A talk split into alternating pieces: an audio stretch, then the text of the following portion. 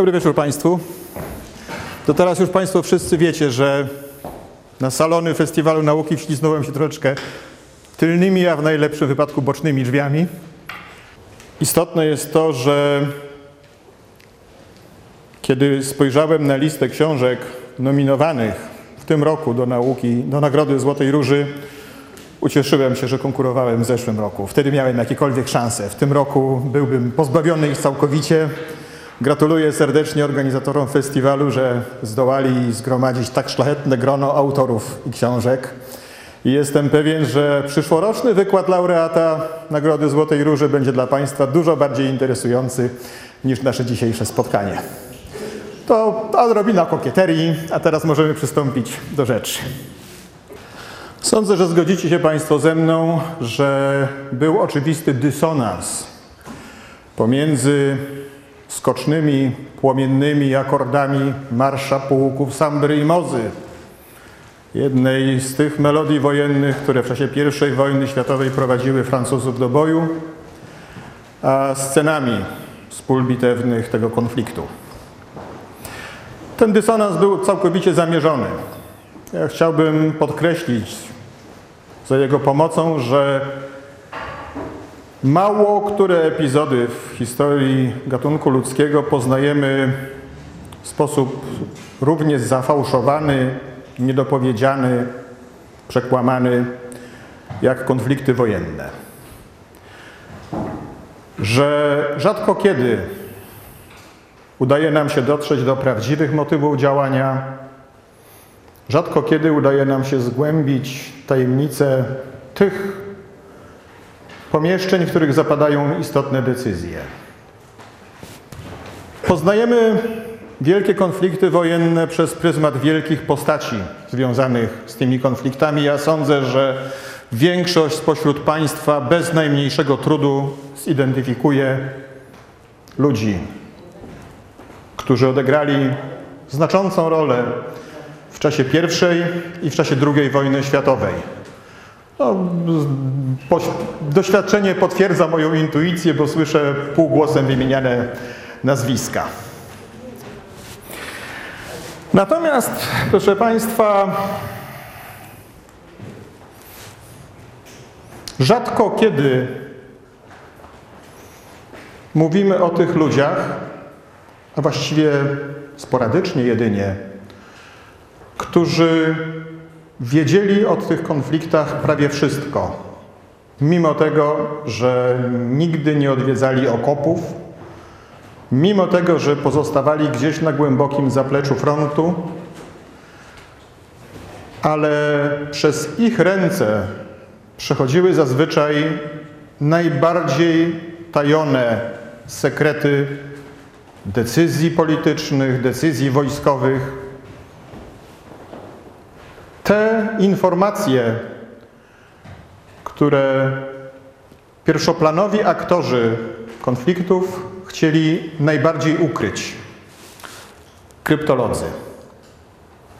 I dlatego próba obserwacji znaczących wydarzeń historycznych przez pryzmat optyki kryptologów może być poznawczo interesująca. Możemy poznać te same wydarzenia pozornie dobrze nam znane z zupełnie innej perspektywy, a przy okazji przekonać się, że te postacie, które znamy z kart podręczników, niekoniecznie odgrywały aż tak decydującą rolę, jak bylibyśmy skłonni sądzić na podstawie naszej edukacji. I dlatego w czasie dzisiejszego naszego spotkania chciałbym, proszę Państwa, tych kilka słabo zarysowanych gdzieś w tle postaci wyciągnąć do pierwszego planu i zademonstrować Państwu ich dzieje w sposób nieco bardziej przesycony barwami.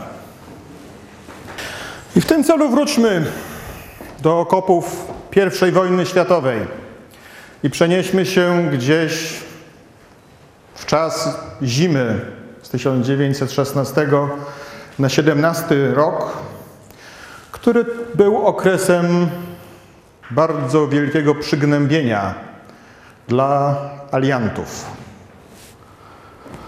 Brytyjczycy zakończyli właśnie kilka kolejnych bitew nad Sommą.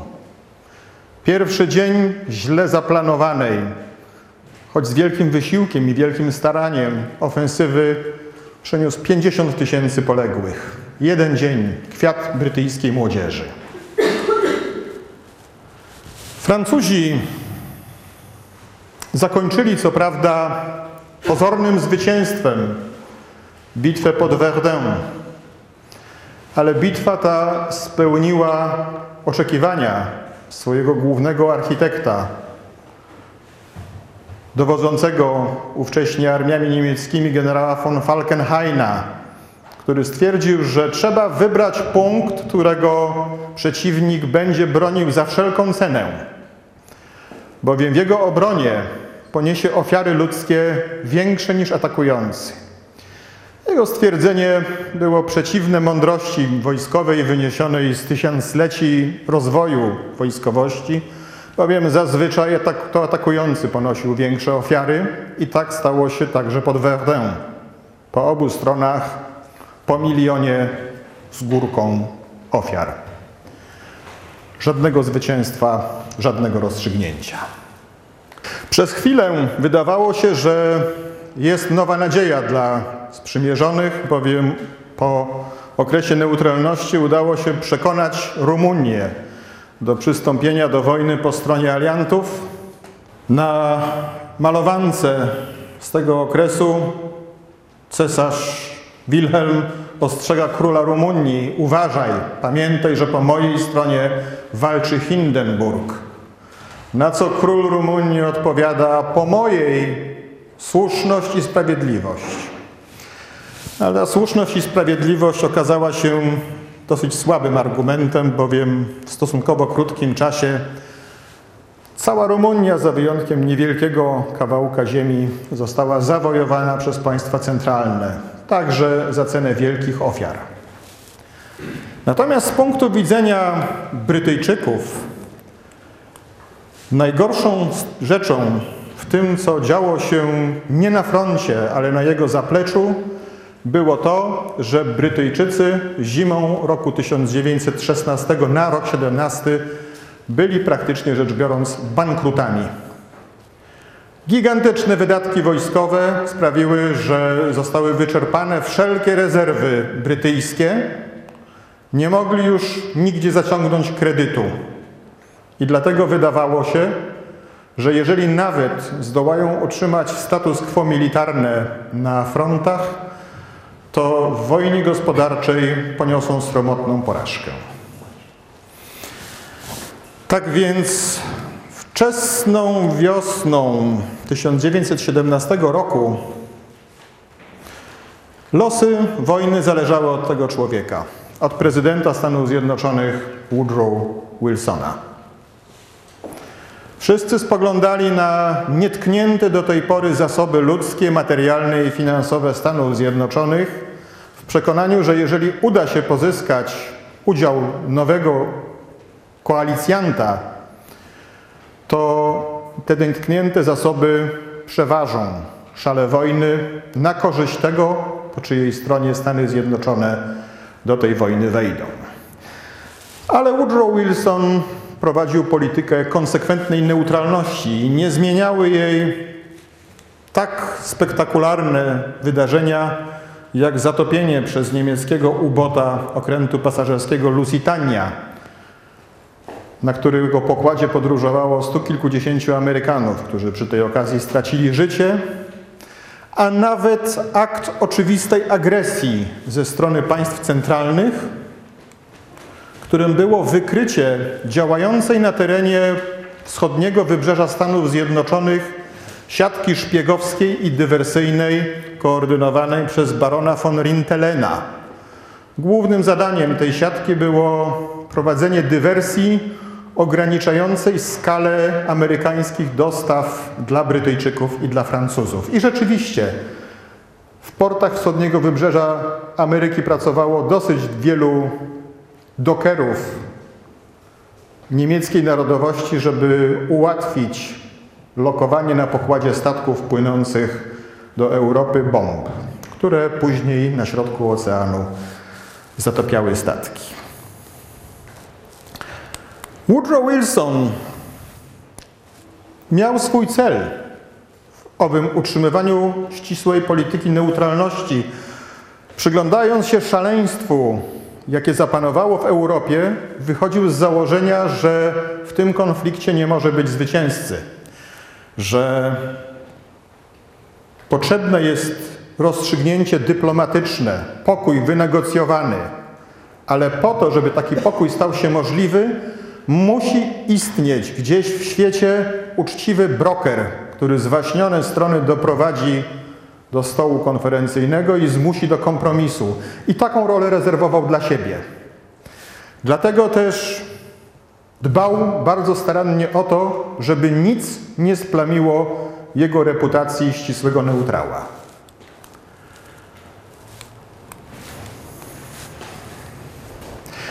W początku 1917 roku Wilson doznał przypływu nowej nadziei w momencie, kiedy nastąpiła zmiana na stanowisku ministra spraw zagranicznych Rzeszy Niemieckiej. Swego poprzednika zastąpił Herr Arthur Zimmermann, który z punktu widzenia prezydenta Wilsona i być może wielu Amerykanów miał jedną istotną zaletę, mianowicie był człowiekiem z ludu. Później lubił przypinać arystokratyczne fon przed swoim nazwiskiem, ale nie miał po temu żadnych podstaw. I Amerykanie jako demokraci widzieli w Zimmermanie swojego ziomka, z którym można się będzie dogadać, który nie będzie splamiony pruskim militaryzmem. I dlatego Wilson rozpoczął starania o pozyskanie Zimmermana dla idei wynegocjowanego pokoju, a pośrednikiem w tych staraniach był ambasador Rzeszy Niemieckiej w Waszyngtonie, hrabia von Bernstorff, tym razem von całkowicie uzasadnione. Niemcy zwrócili uwagę prezydenta, że przeszkodą w rokowaniach jest izolacja Niemiec. Izolacja absolutnie dosłowna, polegająca na tym, że alianci w pierwszym dniu, a właściwie w pierwszej nocy wojennej, zadbali o przecięcie wszystkich kabli telegraficznych łączących Niemcy ze światem. I dlatego jakiekolwiek noty i instrukcje dyplomatyczne płynące z Berlina i Poczdamу do Waszyngtonu były dostarczane z olbrzymim opóźnieniem. A prezydent Wilson na takie diktum zdecydował się na krok, który w sposób oczywisty gwałcił jego status neutrała, mianowicie zezwolił swoim niemieckim rozmówcom na korzystanie z własnego kabla Departamentu, Stana, Departamentu Stanu Ameryki Północnej. Jednym słowem, amerykańskie depesze dyplomatyczne, zaszyfrowane, były dostarczane do najbliższej placówki amerykańskiej, która przesyłała je do Waszyngtonu własnym kablem telegraficznym, a tam były przekazywane do ambasady niemieckiej.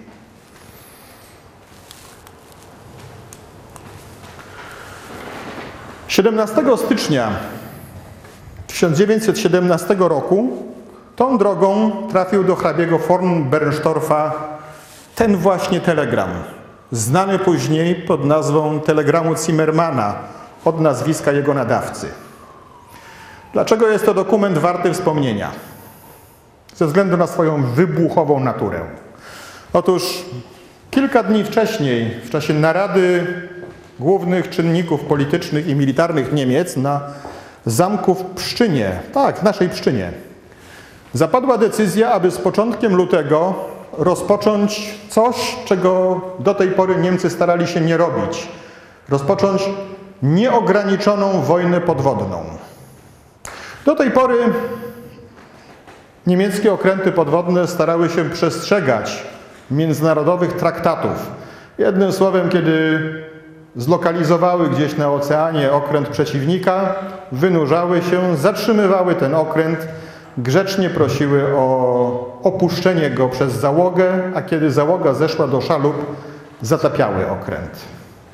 Oczywiście nie jest to naturalna rola dla okrętu podwodnego. Podstawowym zadaniem okrętu podwodnego jest pozostać niewidzialnym. ale tego zabraniały konwencje. Niemcy wyszli z założenia, że kiedy zdecydują się złamać konwencje międzynarodowe, ich broń tajna, okręt podwodny, stanie się na tyle skuteczna, że w krótkim czasie załamie się zaopatrzenie dla armii alianckich płynące za oceanu. I w ten sposób doprowadzą do przełamania impasu na froncie zachodnim. Natomiast Herr Zimmermann postanowił do planów swoich wojskowych dopisać dyplomatyczny apendyks. Ten dyplomatyczny apendyks opierał się na fakcie, że w tym samym początku 1917 roku grupa kilkunastu tysięcy kawalerzystów amerykańskich pod dowództwem generała Pershinga uganiała się po wzgórzach Meksyku w pogoni za wataszką i pretendentem do władzy w całym Meksyku Pancho Villą. Jednym słowem, Meksykanie tradycyjnie przepełnieni niezbyt ciepłymi adresami pod adresem swego północnego sąsiada, mieli dodatkowy pretekst, żeby go nie lubić. I dlatego Arthur Zimmerman poprosił swego ambasadora w Waszyngtonie, aby skomunikował się z placówką w Mexico City i za jej pośrednictwem przekazał Meksykanom propozycję dwuelementową. Po pierwsze, że jeżeli Meksyk zdecyduje się włączyć do wojny po stronie państw centralnych, Niemcy zadbają o to, aby w układzie pokojowym, który zostanie podpisany po zwycięskiej dla państw centralnych wojnie, Meksyk odzyskał terytoria trzech stanów należących wtedy do USA, które wcześniej stanowiły część Meksyku.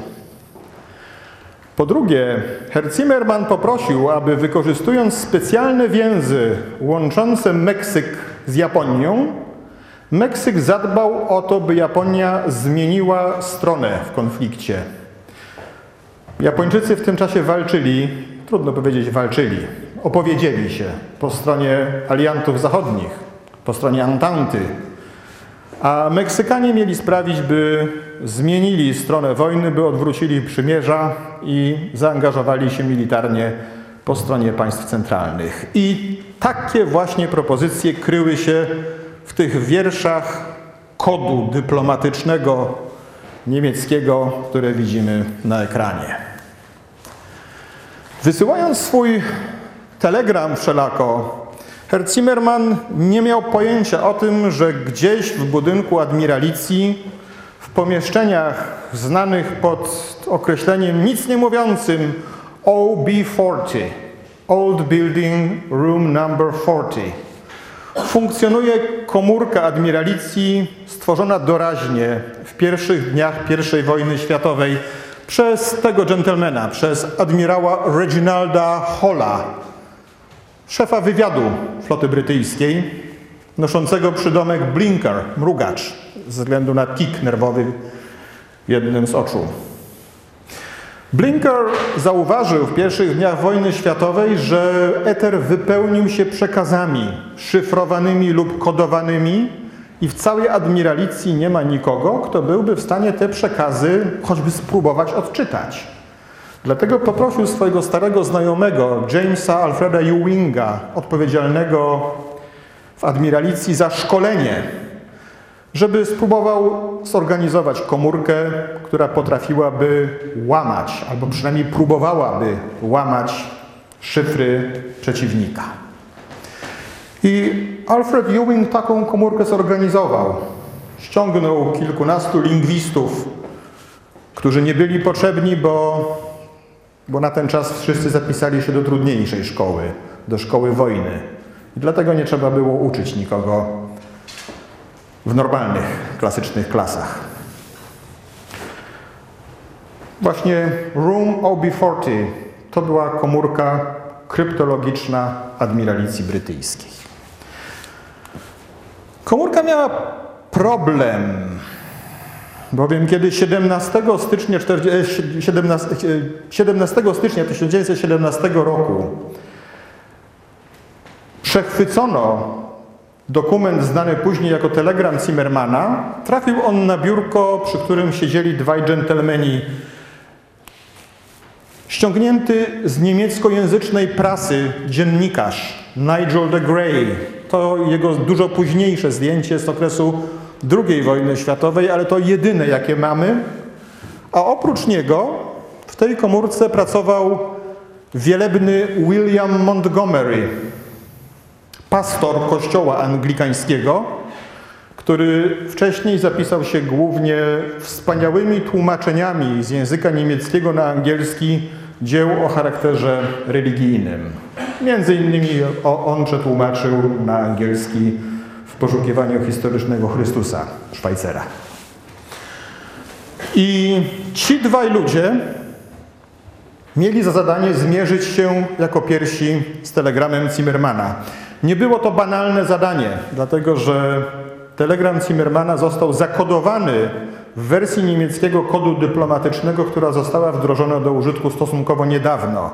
I dlatego włamanie do tego kodu miało bardzo ograniczony zakres.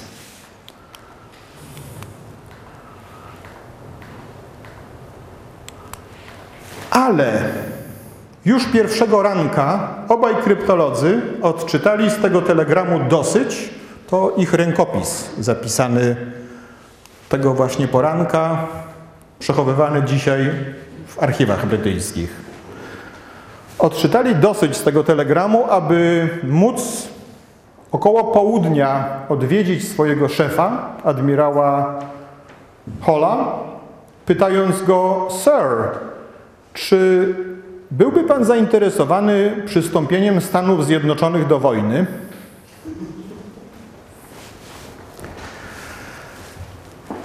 Jeżeli nawet Hall był zainteresowany tą manną z nieba, to nie mógł wykorzystać jej wprost. Dlatego, że byłby w tym momencie przyznał, że Brytyjczycy czytają niemieckie kody. To jest problem, który jest zawsze obecny w pracy kryptologa. Złamać szyfr, ale jednocześnie nie przyznać się przed światem, czy nie dać światu poznać, że osiągnęliśmy sukces.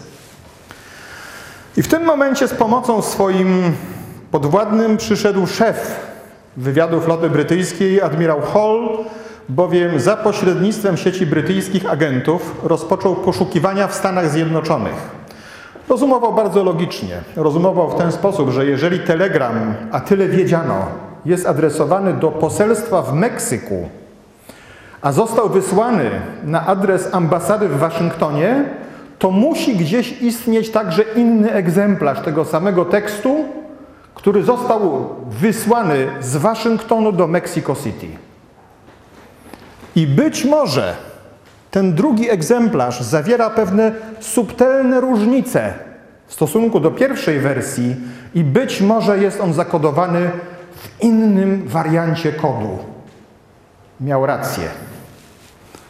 W urzędzie telegraficznym w Mexico City znaleziono, brytyjski agent znalazł kopię telegramu przesłanego przez hrabiego von Bernstorfa do ministra pełnomocnego Rzeszy w Mexico City. I stało się dokładnie to, co przewidział Reginald Hall. Były subtelne różnice tekstowe pomiędzy jedną i drugą wersją telegramu, a najważniejsze było to, że ten drugi telegram był zakodowany w innym wariancie kodu niemieckiego. Po prostu w Waszyngtonie wiedziano, że w Mexico City nie posiadają koledzy najnowszej wersji kodu. I dlatego użyli starszego, który był już w dużo większym stopniu rozpracowany przez Brytyjczyków. No i kiedy odczytano te wszystkie propozycje podzielenia się przez Niemców terytorium Stanów Zjednoczonych z Meksykanami i doprowadzenia do zmiany strony zaangażowania Japończyków, a co więcej, rozgłoszono wszem i wobec, że ten telegram, który został opublikowany, przechwycono i odczytano na terytorium Stanów Zjednoczonych. Hall osiągnął dwa cele za jednym zamachem. Po pierwsze, wydał przed całym światem knowania Niemców, którzy zachęcali Meksyk do przystąpienia do tego wielkiego konfliktu, a po drugie zdołał zamaskować fakt czytania przez Brytyjczyków kodu. Niemcy prowadzili długie śledztwo, które miało doprowadzić do zbadania miejsca i człowieka odpowiedzialnego za wydanie tego wrażliwego dokumentu w ręce przeciwnika. Oczywiście, jak Państwo domyślacie, śledztwo do niczego nie doprowadziło. Istotne jest to, że pod wpływem patriotycznego oburzenia w Stanach Zjednoczonych prezydent Wilson nie mógł kontynuować swojej polityki neutralności. I w efekcie w pierwszych dniach kwietnia 1917 roku Stany Zjednoczone stały się stroną walczącą w I wojnie światowej. Wielki sukces kryptologów o znaczeniu rozstrzygającym zapewne dla losów tego konfliktu, choć nie jedyny. Bowiem musimy, proszę Państwa, uświadomić sobie wydarzenia, które nastąpiły bezpośrednio po tym albo tuż przed tym. Luty tego samego roku. Rewolucja w Piotrogradzie, przepraszam, wtedy jeszcze w Petersburgu. Obala rządy cara. Rosja pogrąża się w chaosie. Alianci zachodni mają świadomość tego, że te oddziały rosyjskie, które widzimy tutaj maszerujące w pochodzie o charakterze czysto politycznym, bez broni, które do tej pory stawiały opór Niemcom i wiązały ileś tam niemieckich dywizji, te oddziały carskie się rozpadają. I w efekcie wkrótce przyjdzie im stawić czoła Niemcom i w ogólności państwom centralnym samotnie.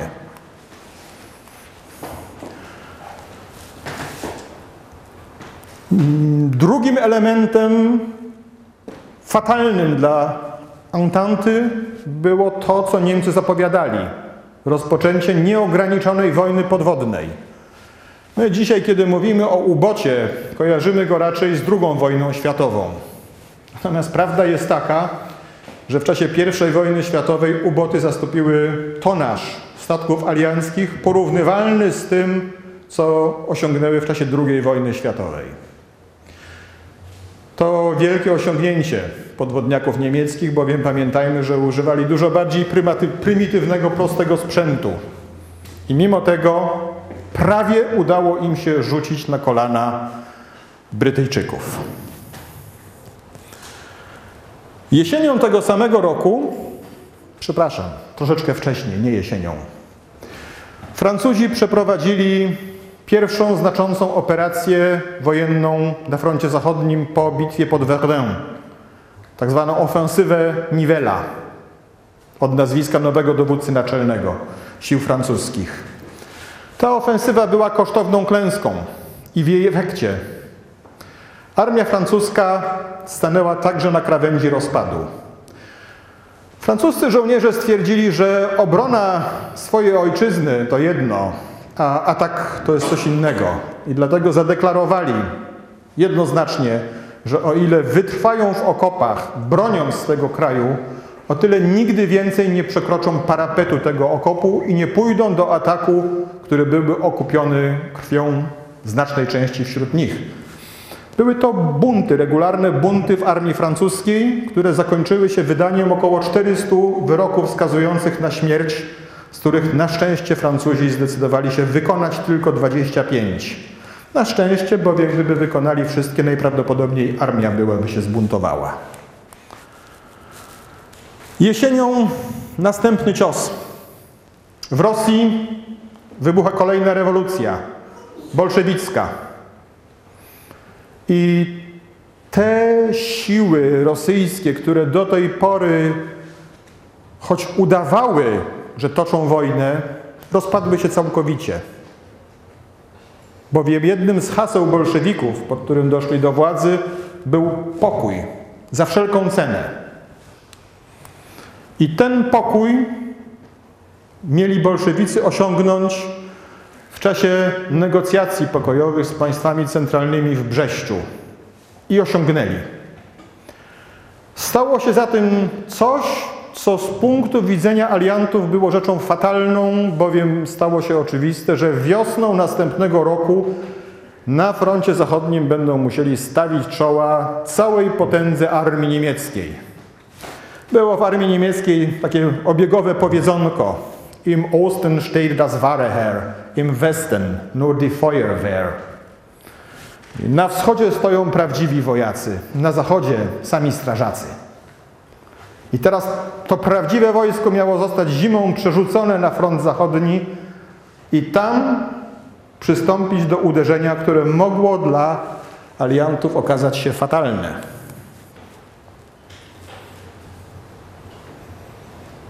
Gdyby nie nadzieja na przystąpienie wkrótce do realnych operacji wojskowych Amerykanów, alianci nie wytrzymaliby tej krytycznej zimy z 1917 na 18 rok.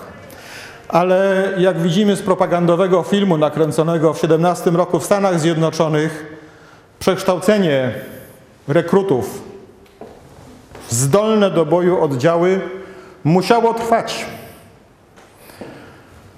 A tymczasem w kierunku frontu zachodniego zmierzały transporty kolejowe ze wschodu. Bowiem złowrogi duet, który w tym czasie kontrolował realne działania w Niemczech, miał inne plany dla wojny. Proszę Państwa, warto pamiętać o roli złamania telegramu Zimmermana także dla naszych, polskich dziejów. Gdyby Stany Zjednoczone nie przystąpiły do wojny, nie musiałyby definiować swoich celów wojennych. Nie powstałoby sławetnych 14 punktów prezydenta Wilsona, wśród nich 13 punkt planu pokoju na świecie, który przewidywał restytucję państwa polskiego. Także i my zawdzięczamy coś tym niezupełnie anonimowym już po naszym dzisiejszym spotkaniu kryptologom z pokoju 40. Powiedzieliśmy sobie, że Hindenburg i Ludendorff mieli swoje plany. Szkolili w ciągu zimy oddziały w zupełnie nowej taktyce. Planowali uderzenie w najbardziej wrażliwy sektor frontu zachodniego we Francji, w styk pomiędzy frontem trzymanym przez Brytyjczyków i Francuzów. I rzeczywiście, wkrótce nastąpiło to, czego wszyscy we Francji obawiali się, a co Niemcy określali mianem Kaiserschlacht, bitwy cesarskiej. Sama nazwa sugeruje, jak wielkie znaczenie przykładali Niemcy do swojego ostatniego wielkiego uderzenia. Ale przygotowywując się do owej Kaiserschlacht, zrobili coś, co dobry kryptolog robi zawsze przed znaczącą operacją. Zmienili szyfry. Do tej pory niemieckie szyfry były czytane praktycznie bez ograniczeń przez francuskich i przez brytyjskich kryptologów. Natomiast w okresie, w okresie kilkunastu dni poprzedzających uderzenie na froncie zachodnim w eterze pojawiły się zupełnie nowe depesze, nowego typu. To jest bardzo zła kopia, jedyna jaką dysponuję, ale ci spośród Państwa, którzy mają bardzo dobry wzrok albo siedzą w pierwszych rzędach, zauważą bez trudu, że depesza jest dziwna, bo składa się tylko z kilku znaków. Tutaj na przykład mamy ADXXV. I rzeczywiście nowy szyfr niemiecki został nazwany przez aliantów cyfrem ADFGVX. To V to jest późniejszy wariant, bowiem pierwotna wersja tego szyfru składała się tylko z pięciu znaków, natomiast Niemcy nazywali go GDF-18. Znaki ADF, GVX zostały wybrane z tej prostej przyczyny, że kiedy nadaje się je alfabetem Morsa, one bardzo różnią się pomiędzy sobą. Trudno jest pomylić znak z innym znakiem alfabetu. No i stało się to, że tuż przed planowanym uderzeniem Niemcy odcięli alianckich kryptologów, odcięli, niemiecki, odcięli aliancki wywiad od najbardziej elementarnych informacji o swoich zamiarach. I między innymi dlatego pierwsze uderzenie niemieckie było porażająco skuteczne. Niemcy wdarli się na kilkadziesiąt kilometrów w alianckie linie na styku pomiędzy frontem brytyjskim i frontem francuskim. Podeszli na tyle blisko do Paryża, że mogli zacząć ostrzeliwać miasto z artylerii najdalszego zasięgu. A licząc zaangażowane w tym uderzeniu dywizje, Francuzi i Brytyjczycy zdawali sobie sprawę, że jeszcze nie wszystkie ściągnięte ze wschodu oddziały zostały zaangażowane w tą wielką ofensywę. Zatem gdzieś jeszcze musi nastąpić inne uderzenie, najprawdopodobniej rozstrzygające. I nie wiedzieli gdzie, i nie wiedzieli kiedy. Tym człowiekiem, który zadecydował o losach Kaiserschlacht, był francuski kryptolog Georges Jean Pauvin. Samotnik. Nie lubił pracować w zespole. Mówi się, proszę Państwa, że dobry kryptolog to dwa rodzaje talentów, kwalifikacji czy upodobań. Zdyscyplinowany matematyczny umysł i z drugiej strony talenty muzyczne. Pan Wę był dobrym skrzypkiem. Nie wiemy, jakim był matematykiem, ale skrzypkiem na pewno był wysokiej klasy.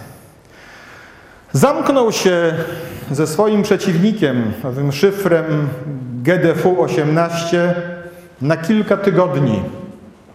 I w ciągu tych kilku tygodni samotnej pracy złamał nowy niemiecki szyfr jeszcze w porę. To pierwsza depesza, jaką odczytał już po przetłumaczeniu na francuski.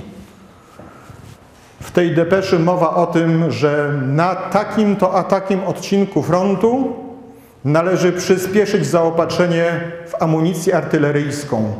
Jeżeli nie będzie to widziane przez przeciwnika, należy dostarczać amunicję także w ciągu dnia. Było oczywiste dla specjalistów wywiadu francuskiego, że jeżeli Niemcy decydują się na działania, które mogą zdekonspirować ich przygotowania, to mają one wielką wagę. Czyli to miejsce wymienione w złamanym przez Pauvin szyfrogramie jest najprawdopodobniej miejscem nowej ofensywy i mieli rację. I kiedy niemieckie dywizje przygotowane specjalnie do tego uderzenia ruszyły do przodu, napotkały przygotowane dywizje francuskie, brytyjskie i napotkały wielkie zgrupowania artylerii alianckiej, które nie pozwoliły przełamać frontu. I w ten oto sposób kryptolodzy alianccy dwa razy w istocie, co najmniej dwa razy zadecydowali o losach I wojny światowej, a troszeczkę na marginesie także o losach naszego kraju. Generalną i sztywno przestrzeganą zasadą wszystkich kryptologów wszystkich czasów jest utrzymywanie w najgłębszym sekrecie swoich sukcesów. Dlatego było dla środowiska specjalistów wywiadu i dla historyków i dla wojskowych owych czasów wielkim szokiem, kiedy w roku 1922 Winston Churchill opublikował wielkie, monumentalne dzieło, swoje wspomnienia z okresu I wojny światowej. I w tym tomie zawarł kilkuzdaniową informację o tym, że wygraliśmy, ponieważ czytaliśmy szyfry i kody przeciwnika. A konfuzję wszystkich zainteresowanych pogłębiło późniejsze o, późniejsza o rok publikacja wspomnień wojennych podwładnego Churchilla z okresu, kiedy sprawował obowiązki pierwszego lorda admiralicji admirała Jackie Fishera, który niezupełnie zgodnie z prawdą poinformował czytelników, że bitwa jutlandzka została wygrana przez flotę brytyjską właśnie dzięki czytaniu szyfrowanych depesz niemieckich. No było to jasne i czytelne wskazanie dla wszystkich zainteresowanych, że ci, którzy myślą o następnym konflikcie wojennym, muszą wymyślić lepsze kody, lepsze szyfry, bardziej bezpieczne, łatwiejsze w użyciu. I zrobił to ówcześnie major Erich Felgibel, szef łączności Reichswehry niemieckiej, tej traktatowej stutysięcznej armijki.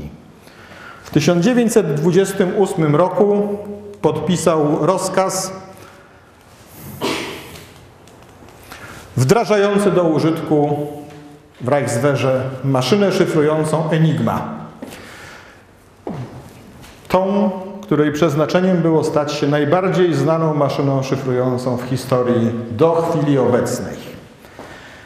I w tym miejscu muszę prosić Państwa o pomoc, bowiem jeżeli Państwo pozwolicie mi się rozgadać na temat Enigmy, to ci spośród Państwa, którzy dotrwają, razem ze mną o czwartej nad ranem będą musieli zamawiać pizzę do tego pokoju. Przerwijcie mi Państwo bez litości w momencie, jeżeli ja za długo będę mówił na temat Enigmy. Za długo mógłbym mówić, dlatego że wielka zasługa złamania szyfrów tej maszyny to czysto polska zasługa. Zasługa tego matematyka, absolwenta Uniwersytetu Poznańskiego, Mariana Rejewskiego, który do swojego sukcesu był przez polski wywiad bardzo rzetelnie przygotowany, bowiem walka Polaków z Enigmą rozpoczęła się jeszcze w roku 1928, w roku, w którym maszyna została wprowadzona do użytku. Na wniosek skromnego porucznika Maksymiliana Ciężkiego, szefa sekcji niemieckiej Polskiego Biura Szyfrów, wyselekcjonowano grupę dwudziestu kilku studentów i absolwentów Uniwersytetu Poznańskiego, których zaczęto szkolić w kryptologii. Po sześciomiesięcznym szkoleniu najlepszym spośród nich pozwolono terminować w zawodzie kryptologa w filii Biura Szyfrów specjalnie w tym celu zorganizowanej w Poznaniu. I terminowali tak, proszę Państwa, przez długie trzy lata.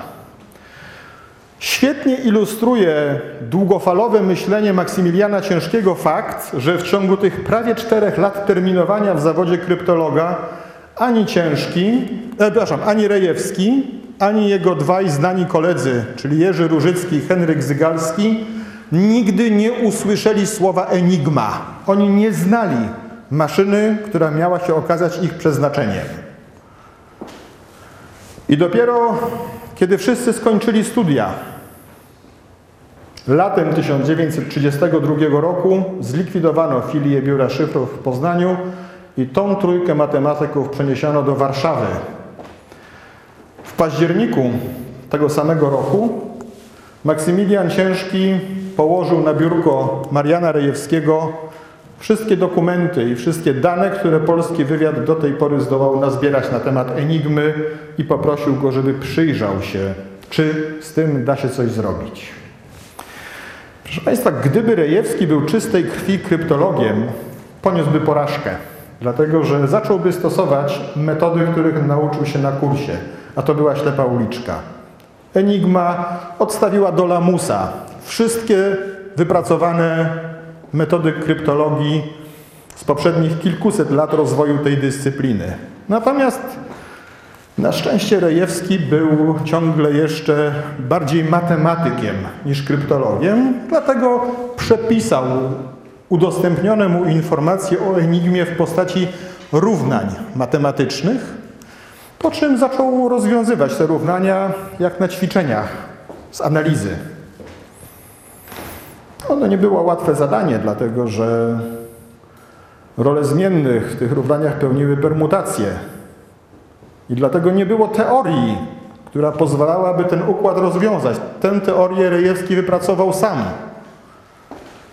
No i stało się, proszę Państwa, w ten sposób, że pomiędzy Dniem Bożego Narodzenia i Nowym Rokiem w 1932 roku Rejewski rozwiązał swój układ równań, a tym samym określił precyzyjnie konstrukcję maszyny szyfrującej, której nigdy nie widział na oczy, ani wcześniej, ani w późniejszym swoim życiu.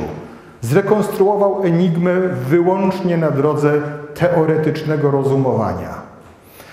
Sprokurował w ten sposób rewolucję w kryptologii, bowiem spowodował odsunięcie do lamusa historii wszystkich stosowanych wcześniej w kryptologii metod, metod opartych na strukturze języka, lingwistycznych i zastąpienie ich przez matematykę. Dzisiejsza kryptologia to nic innego jak gałąź stosowanej matematyki. Ale nie była to ostatnia rewolucja, którą polscy kryptolodzy spowodowali, bowiem Stawiając czoła wprowadzonym później przez Niemców zmianom w sposobie użycia enigmy albo w jej konstrukcji, stwierdzili, że logicznym przeciwnikiem dla maszyny szyfrującej jest inna maszyna szyfrująca, która ułatwia dekryptaż. I skonstruowali kilka pomysłowych urządzeń, które miały funkcjonować na tej zasadzie. Najpierw w 1935 roku cyklometr, a potem jesienią 1938 roku tak zwaną bombę Rejewskiego. I w ten sposób, proszę Państwa, rozpoczęli inną gałąź współczesnej kryptologii, która znowu dotrwała do dnia dzisiejszego i dominuje w tej chwili w tej dyscyplinie, czyli tak zwaną kryptoanalizę automatyczną. Oczywiście dzisiaj tą kryptoanalizą automatyczną parają się komputery, a nie elektromechaniczne urządzenia w stylu bomby Rejewskiego. Ale te dwa skromne i niepozorne urządzenia dały początek.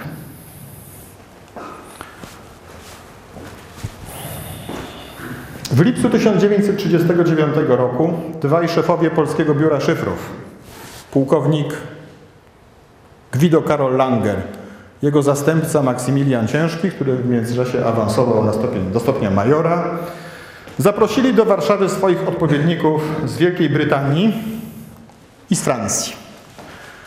Wielką Brytanię reprezentował szef następcy pokoju 40, czyli tzw. Tak rządowej Szkoły Kodów i Szyfrów, Alastair Denniston, który przybył w towarzystwie głównego kryptologa tej instytucji, Knoxa. A Francuzów reprezentowali szef jednej z kilku agent kryptologicznych armii francuskiej, kapitan Gustave Bertrand i główny kryptolog lotnictwa francuskiego Henri Barracni. Proszę mi wybaczyć, zawsze miałem problemy z wymową francuską. Istotne jest to, że w czasie spotkania w podwarszawskich Pyrach Polacy przekazali aliantom, późniejszym swoim aliantom, wszystkie sekrety dotyczące ataków na Enigmę. I było to jedno z wydarzeń kluczowych dla losów II wojny światowej, bowiem Brytyjczycy, zanim jeszcze zdążyli złamać choć jedną depeszę Enigmy, przystąpili do gigantycznej, zakrojonej na olbrzymią skalę rozbudowy swoich służb kryptologicznych, którą zlokalizowali w takim dosyć mało estetycznym dworze w Bletchley Park, kilkadziesiąt mil na północ od Londynu i mniej więcej w środku drogi pomiędzy Cambridge i Oxfordem. Tam w ciągu wojny pracowały najlepsze mózgi brytyjskie, wśród nich największy matematyk XX wieku, Alan Turing, Gordon Welchman, Connell Hugh O'Donnell Alexander, także świetny matematyk i przy okazji doskonały szachista, wreszcie Jack Good. Powinienem wymienić jeszcze kilkadziesiąt innych nazwisk, które zapisały się i w historii kryptologii, i matematyki, i pewnie szachów ale wymienianka zasłużonych nie jest istotna, zważywszy na rolę złamania enigmy dla losów II wojny światowej.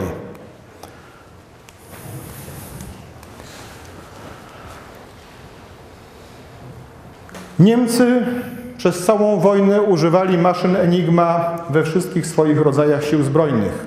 Wyprodukowali łącznie około 200 tysięcy egzemplarzy maszyny szyfrującej i stosowali ją w ponad 200 różnych sieciach łączności. Tymczasem w Bletchley Park to urządzenie zaprojektowane przez Alana Turinga na podstawie wcześniejszych koncepcji Mariana Rejewskiego, tak zwana bomba Turinga, systematycznie dzień po dniu, noc po nocy łamała klucze do szyfru, zmieniane najpierw codziennie, potem nawet cztery razy dziennie pod koniec wojny. I w efekcie u kresu wojny w ośrodku kryptologicznym w Bletchley Park funkcjonowała wywiadowcza fabryka. Pracowało tam ponad 11 tysięcy ludzi nad łamaniem szyfrów. A łamano ponad 200 różnych niemieckich sieci łączności. Historycy uważają współcześnie, że złamanie enigmy przyspieszyło koniec II wojny światowej o 2 do 3 lat. Jeżeli zważymy, że jeden rok wojny kosztował świat około 10 milionów ofiar, to łatwo obliczyć sobie skutki sukcesu Mariana Rejewskiego i jego kolegów. Sądzę, że mało który naukowiec może pochwalić się takimi rezultatami.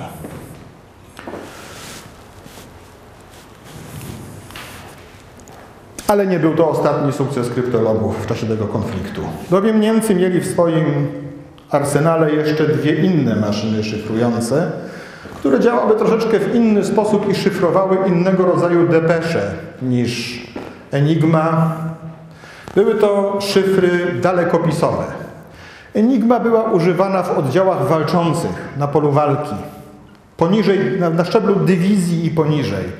Natomiast do przesyłania informacji o charakterze strategicznym Niemcy posługiwali się dalekopisem i do szyfrowania depesz wymienianych dalekopisem stosowali te dwa urządzenia.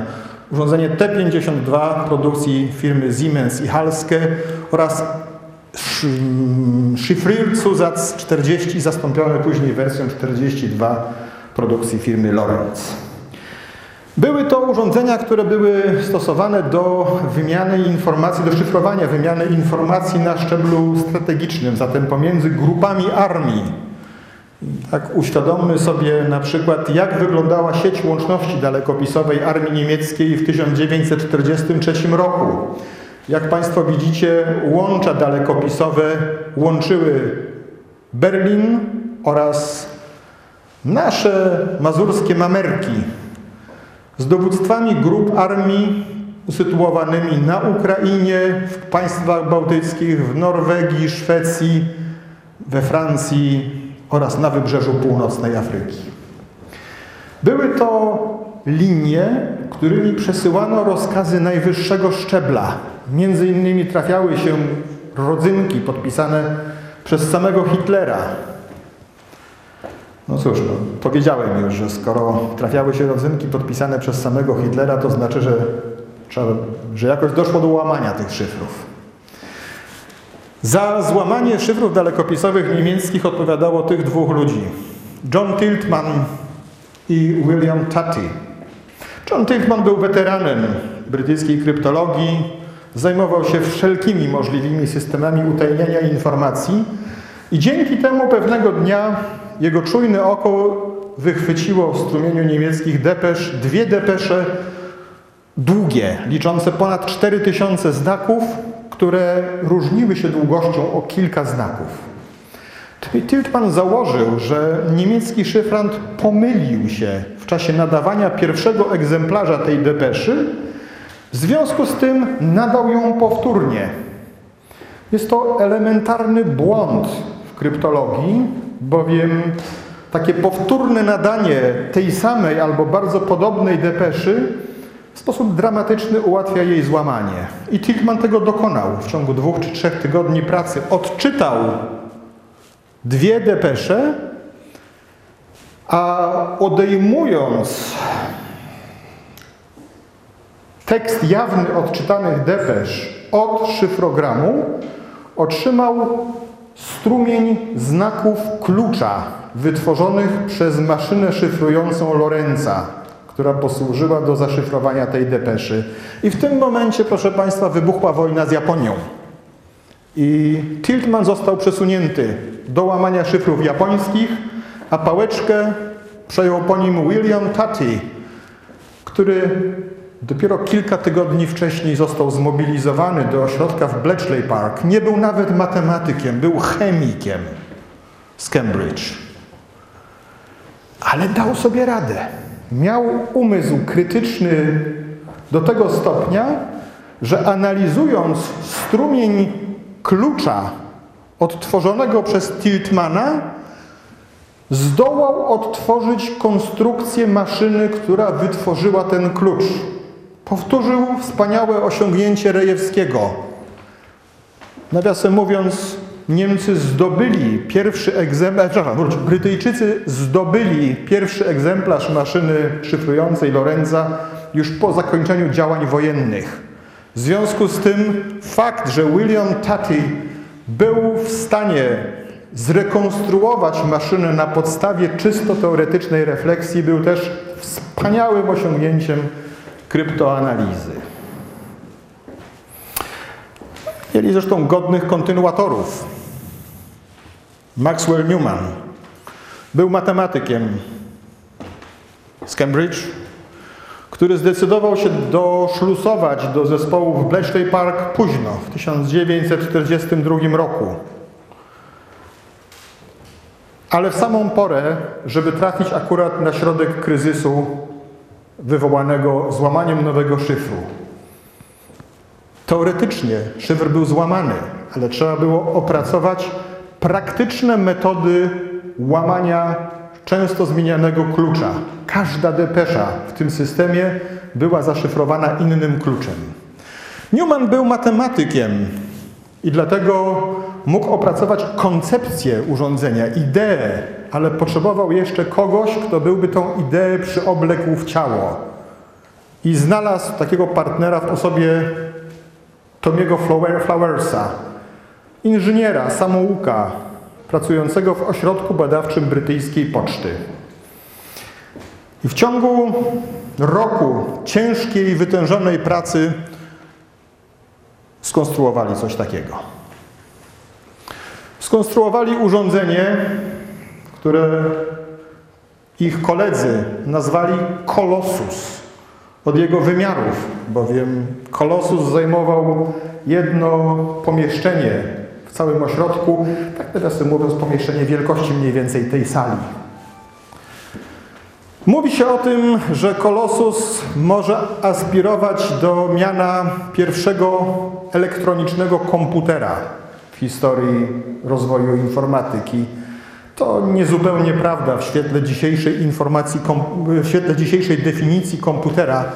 To prawda, że Kolosus był niezwykle skomplikowany, to prawda, że był elektroniczny, bo zawierał 2,5 tysiąca lamp elektronicznych, to prawda, że oddał wielkie zasługi w czasie II wojny światowej, ale niestety programowało się go nie wgrywając do urządzenia program, tylko łącząc zworki i ustawiając przełączniki w różnych pozycjach. Także nie można go uznać za komputer, jakkolwiek było to urządzenie, które pozwoliło przez drugą połowę wojny Amerykanom i Brytyjczykom łamać rozkazy najwyższego szczebla wydawane w armii niemieckiej. I tylko i wyłącznie dzięki temu urządzeniu kampania w Europie kosztowała Brytyjczyków i Amerykanów stosunkowo niewiele ofiar.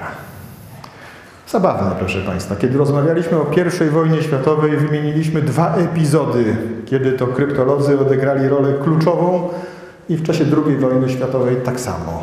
Najpierw Enigma, potem szyfry dalekopisowe i Kolossus. Nawiasem mówiąc, gdybyście byli Państwo kiedyś w Londynie i mieli dzień czasu wolny, polecam wycieczkę jednodniową do Bletchley Park, gdzie w muzeum tego ośrodka można zobaczyć zrekonstruowane urządzenie Kolossus Ja nakręciłem ten film właśnie w czasie swojej wizyty w BP.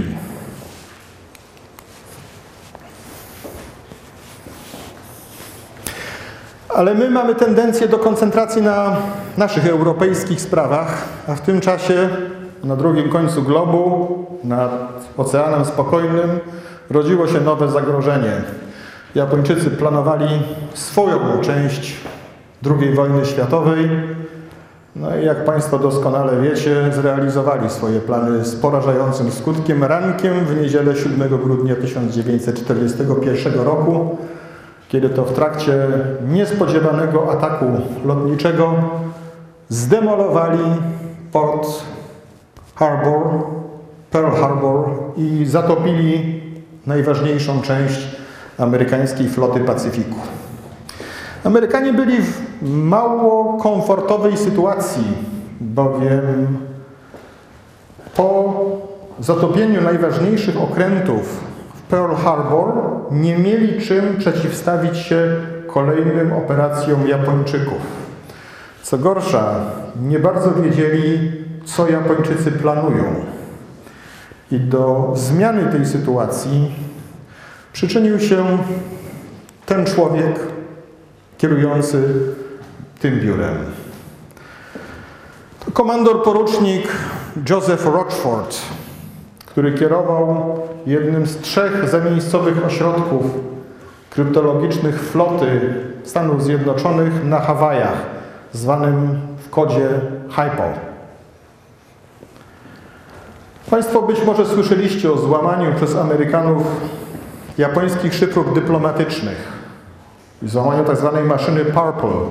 To prawda.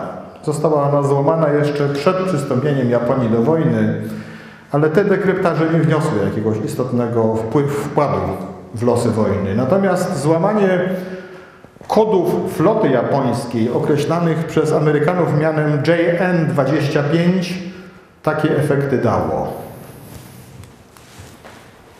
Połowie 1942 roku Amerykanie zastanawiali się, w którym punkcie tego ogromnego przestworu Pacyfiku padnie kolejne uderzenie japońskie.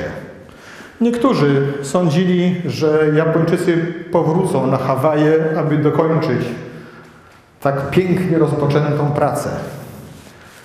Inni zakładali, że celem kolejnego uderzenia japońskiego mogą być zachodnie wybrzeża Stanów Zjednoczonych, w szczególności okolice Kalifornii.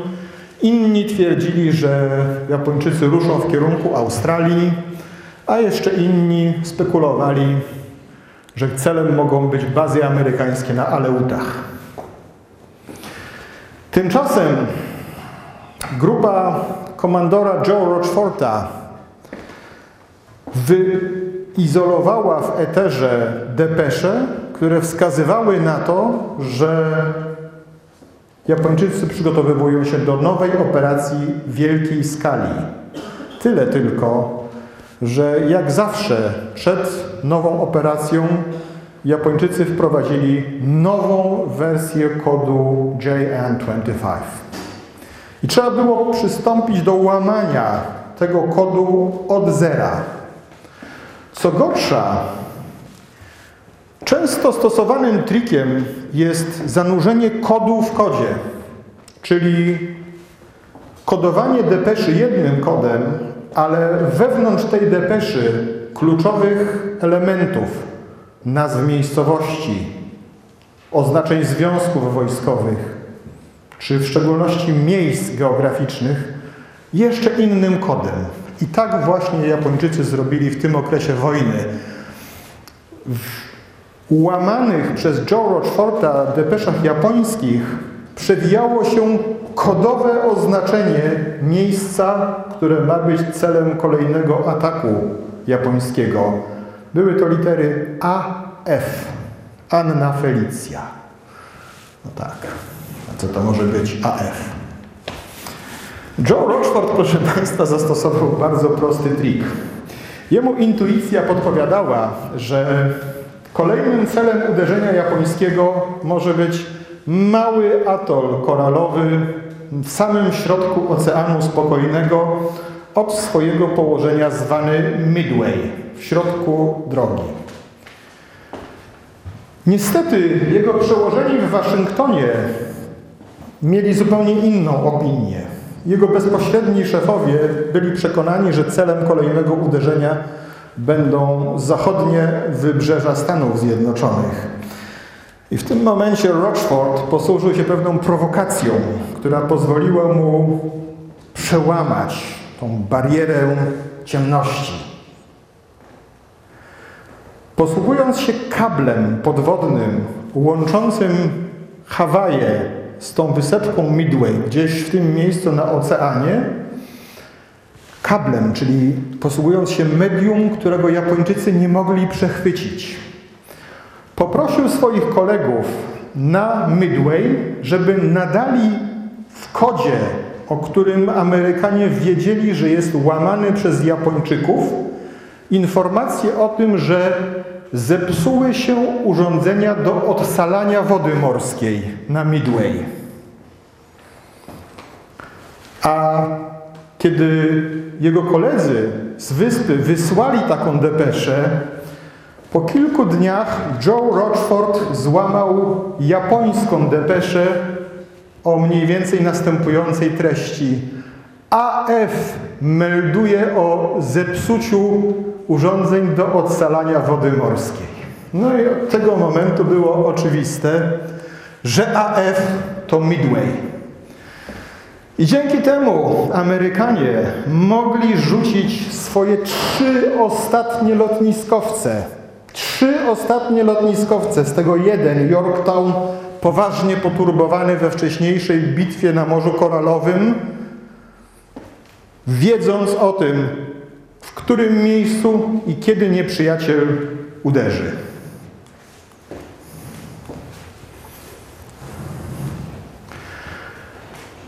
Jednym słowem była to, proszę Państwa, bitwa z gatunku wygraj albo zgiń. Bo gdyby Amerykanie pozwolili się zaskoczyć i gdyby stracili te swoje trzy ostatnie lotniskowce, gdyby pozwolili Japończykom opanować bazę na Midway, to kampania na Pacyfiku i tak zakończyłaby się zwycięstwem amerykańskim, ale o kilka lat później. Tymczasem te trzy ostatnie lotniskowce amerykańskie ustawiły się w miejscu idealnie dobranym na zasadzkę i rzeczywiście zaskoczyły Japończyków. Pierwsza fala amerykańskich samolotów została zmasakrowana przez Japończyków. Nie ocalał ani jeden samolot i ocalał tylko jeden pilot. Ale druga fala osiągnęła pełen sukces. W ciągu sześciu minut ataku zostały zatopione trzy japońskie lotniskowce, a jeden z nich bardzo ciężko uszkodzony. Zresztą następnego dnia amerykański okręt podwodny dobił go. Japończycy stracili ostrze uderzeniowe swojej floty na Pacyfiku, a co najbardziej tragiczne dla Japończyków, w tej bitwie utracili całą elitę swoich wyszkolonych pilotów lotnictwa morskiego. Na wyszkolenie kolejnych musieli czekać długie miesiące.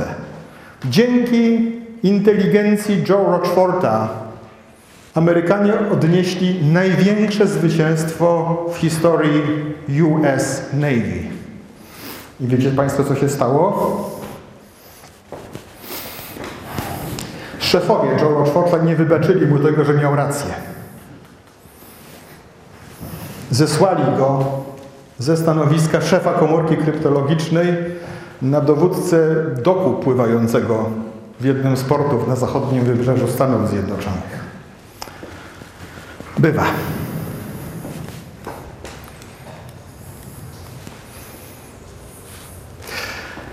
Ale to nie było jedyne zwycięstwo kryptologów amerykańskich. Pokrótce prześliźnijmy się nad innym, równie znaczącym.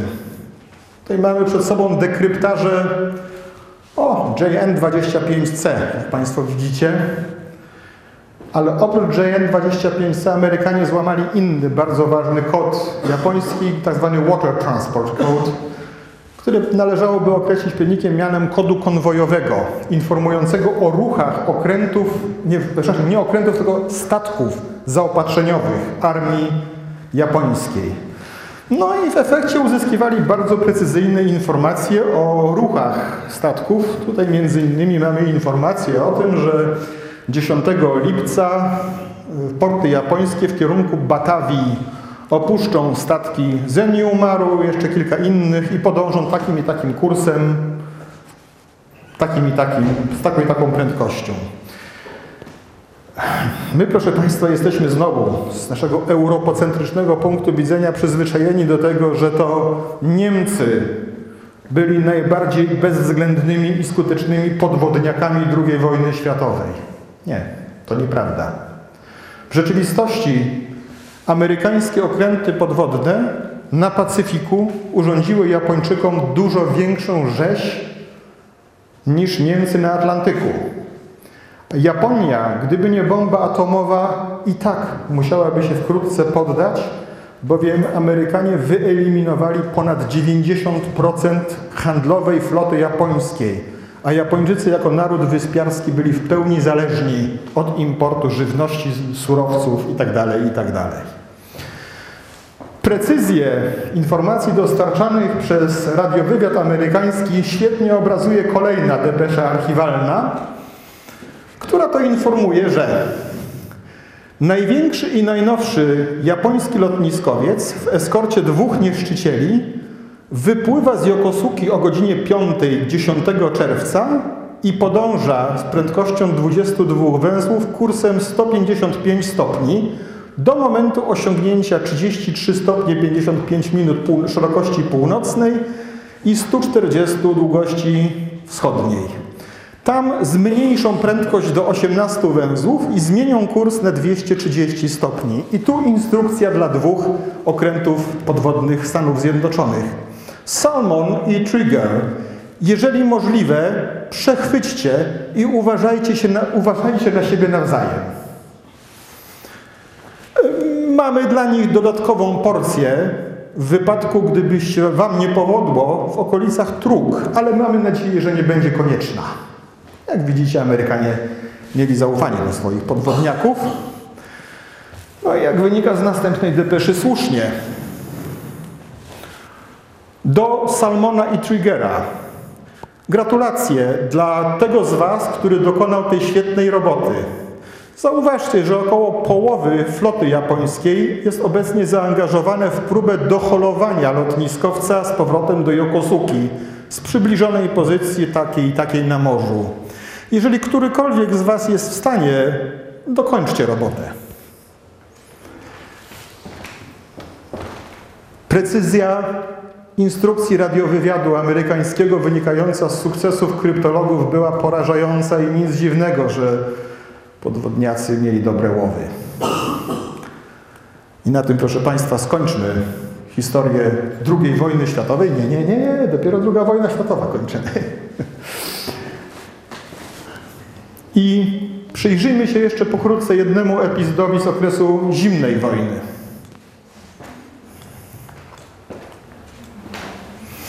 To proszę Państwa, typowy arkusz kluczy szyfrowych do tak zwanego szyfru z kluczem jednorazowym.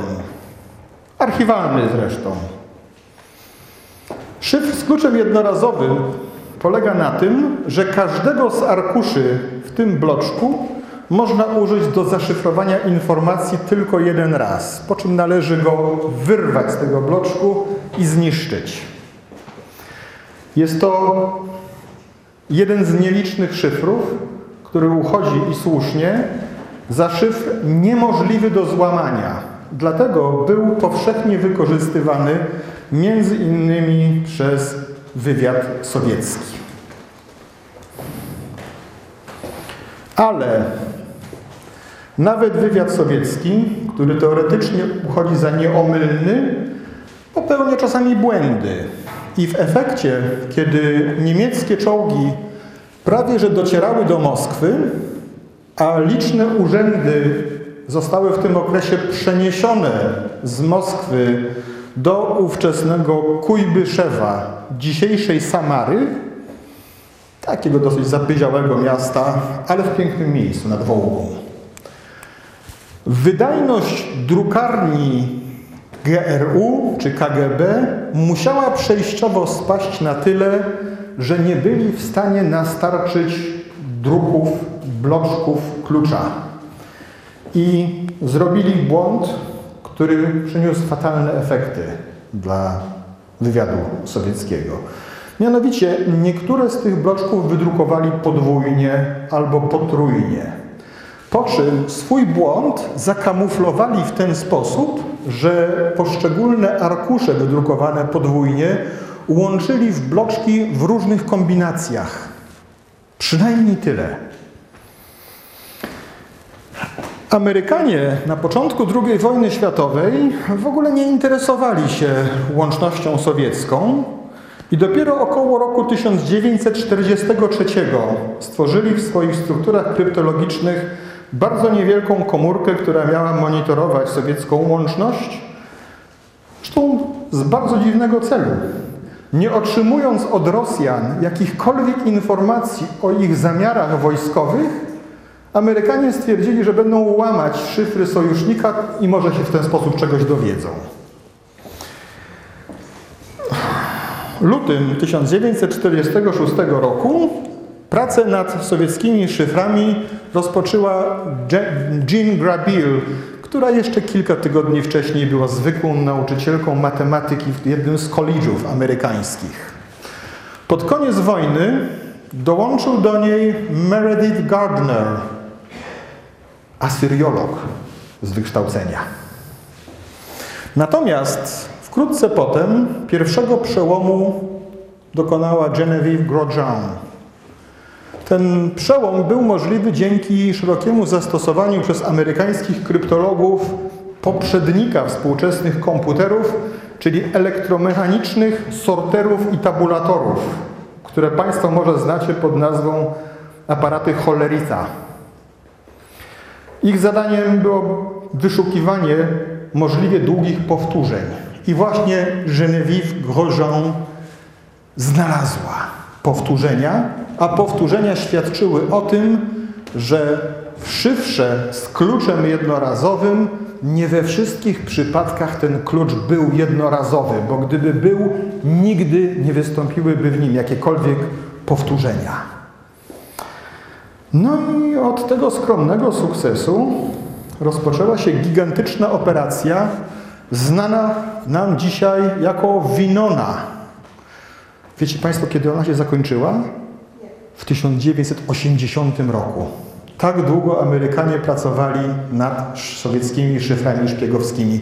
Macie Państwo przed sobą jedną z archiwalnych depesz odszyfrowanych przez Amerykanów, Depeszę, nawiasem mówiąc, mówiącą o kimś noszącym określenie kodowe liberal, a za tym kodem mieści się osoba, o której za chwileczkę będziemy mówili. Bowiem Rosjanie tradycyjnie nie dość, że szyfrowali informacje, to jeszcze kluczowe pojęcia kryli w dodatkowym kodzie. I tak na przykład Townswoman, czyli Gorożanka, oznaczała członkinię partii komunistycznej, gimnast, fizkulturnica oznaczała członkinię Komunistycznego Związku Wychowania Fizycznego. Wołok to było określenie kodowe Klausa Fuchsa, niemieckiego fizyka, który zdradził Sowietom wiele tajemnic bomby jądrowej.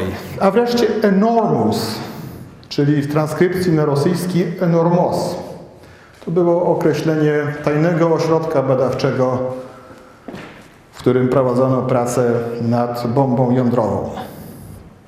Ja mówię o tych wszystkich dodatkowych kryptonimach, dlatego żeby uświadomić Państwu, że złamanie samej depeszy nie było wszystkim, że porównując kontekst wystąpienia danego kryptonimu z innymi depeszami można było próbować ustalić, o kim mowa. I tak na przykład w tym przypadku byłoby to zadanie banalne, dlatego że nieostrożny oficer prowadzący napisał o tym, jak to liberal rekomendował żonę yy, brata swojej żony, Ruth Greenglass. Nazywają, nazywają ją z imienia i nazwiska. No, dysponując taką informacją jest rzeczywiście trywialną rzeczą ustalenie, o kim właściwie mówi kod liberal. Ale nie we wszystkich przypadkach było to oczywiste.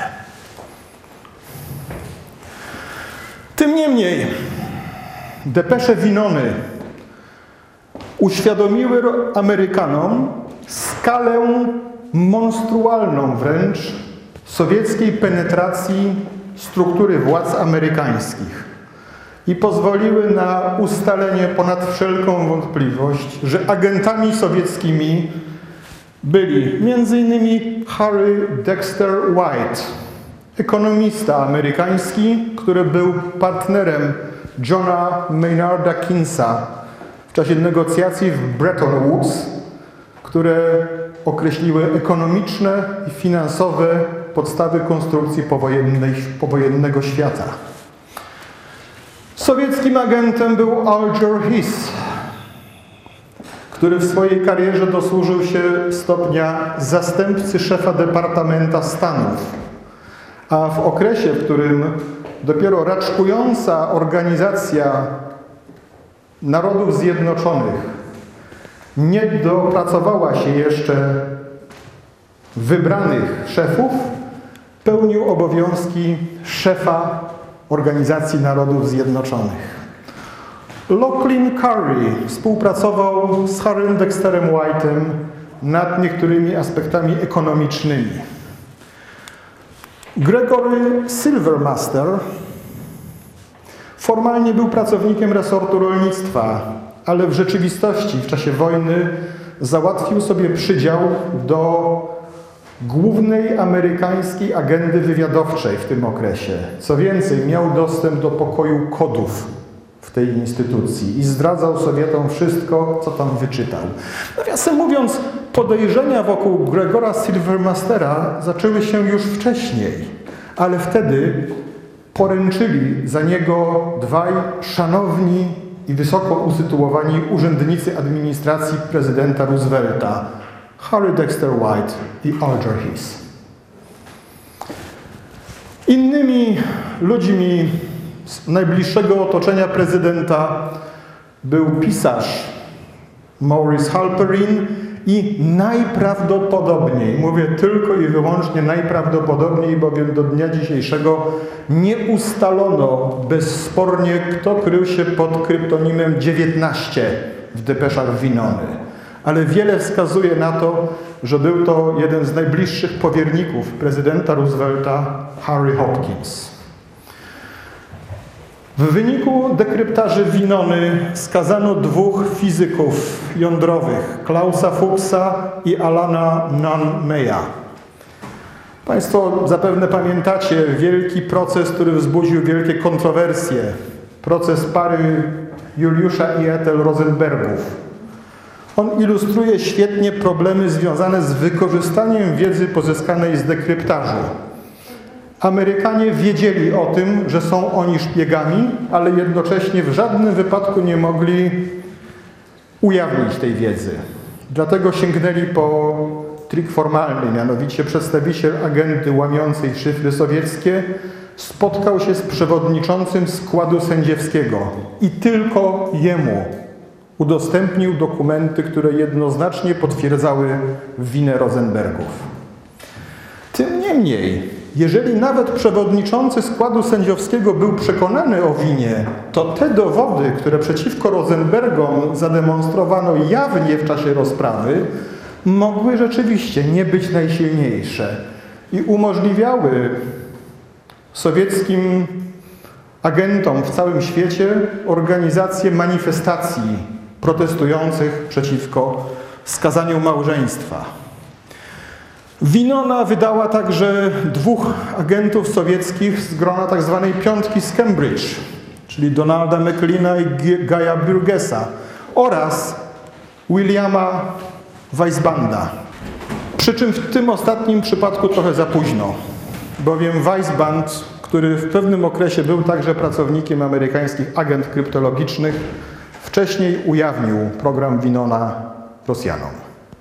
Rosjanie najzwyczajniej w świecie zmienili szyfry. Był to tak zwany Czarny Czwartek jesienią 1948 roku, kiedy Rosjanie skokowo w jednym dniu zmienili wszystkie swoje systemy szyfrowania. Także jak Państwo widzicie, pierwsza wojna światowa kryptolodzy, druga wojna światowa kryptolodzy, zimna wojna też kryptolodzy. Może zostawić chwilę na pytania.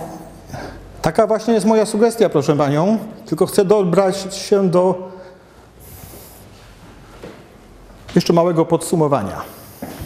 Ja mam cichą nadzieję, proszę Państwa, że zdołałem tych anonimowych wcześniej kryptologów na Państwa użytek nie tylko troszeczkę podkolorować, ale także sprawić, że jakby byli wśród nas, jakbyśmy mogli pytać ich samych o to, jak osiągnęli sukcesy, jaki był efekt tych sukcesów.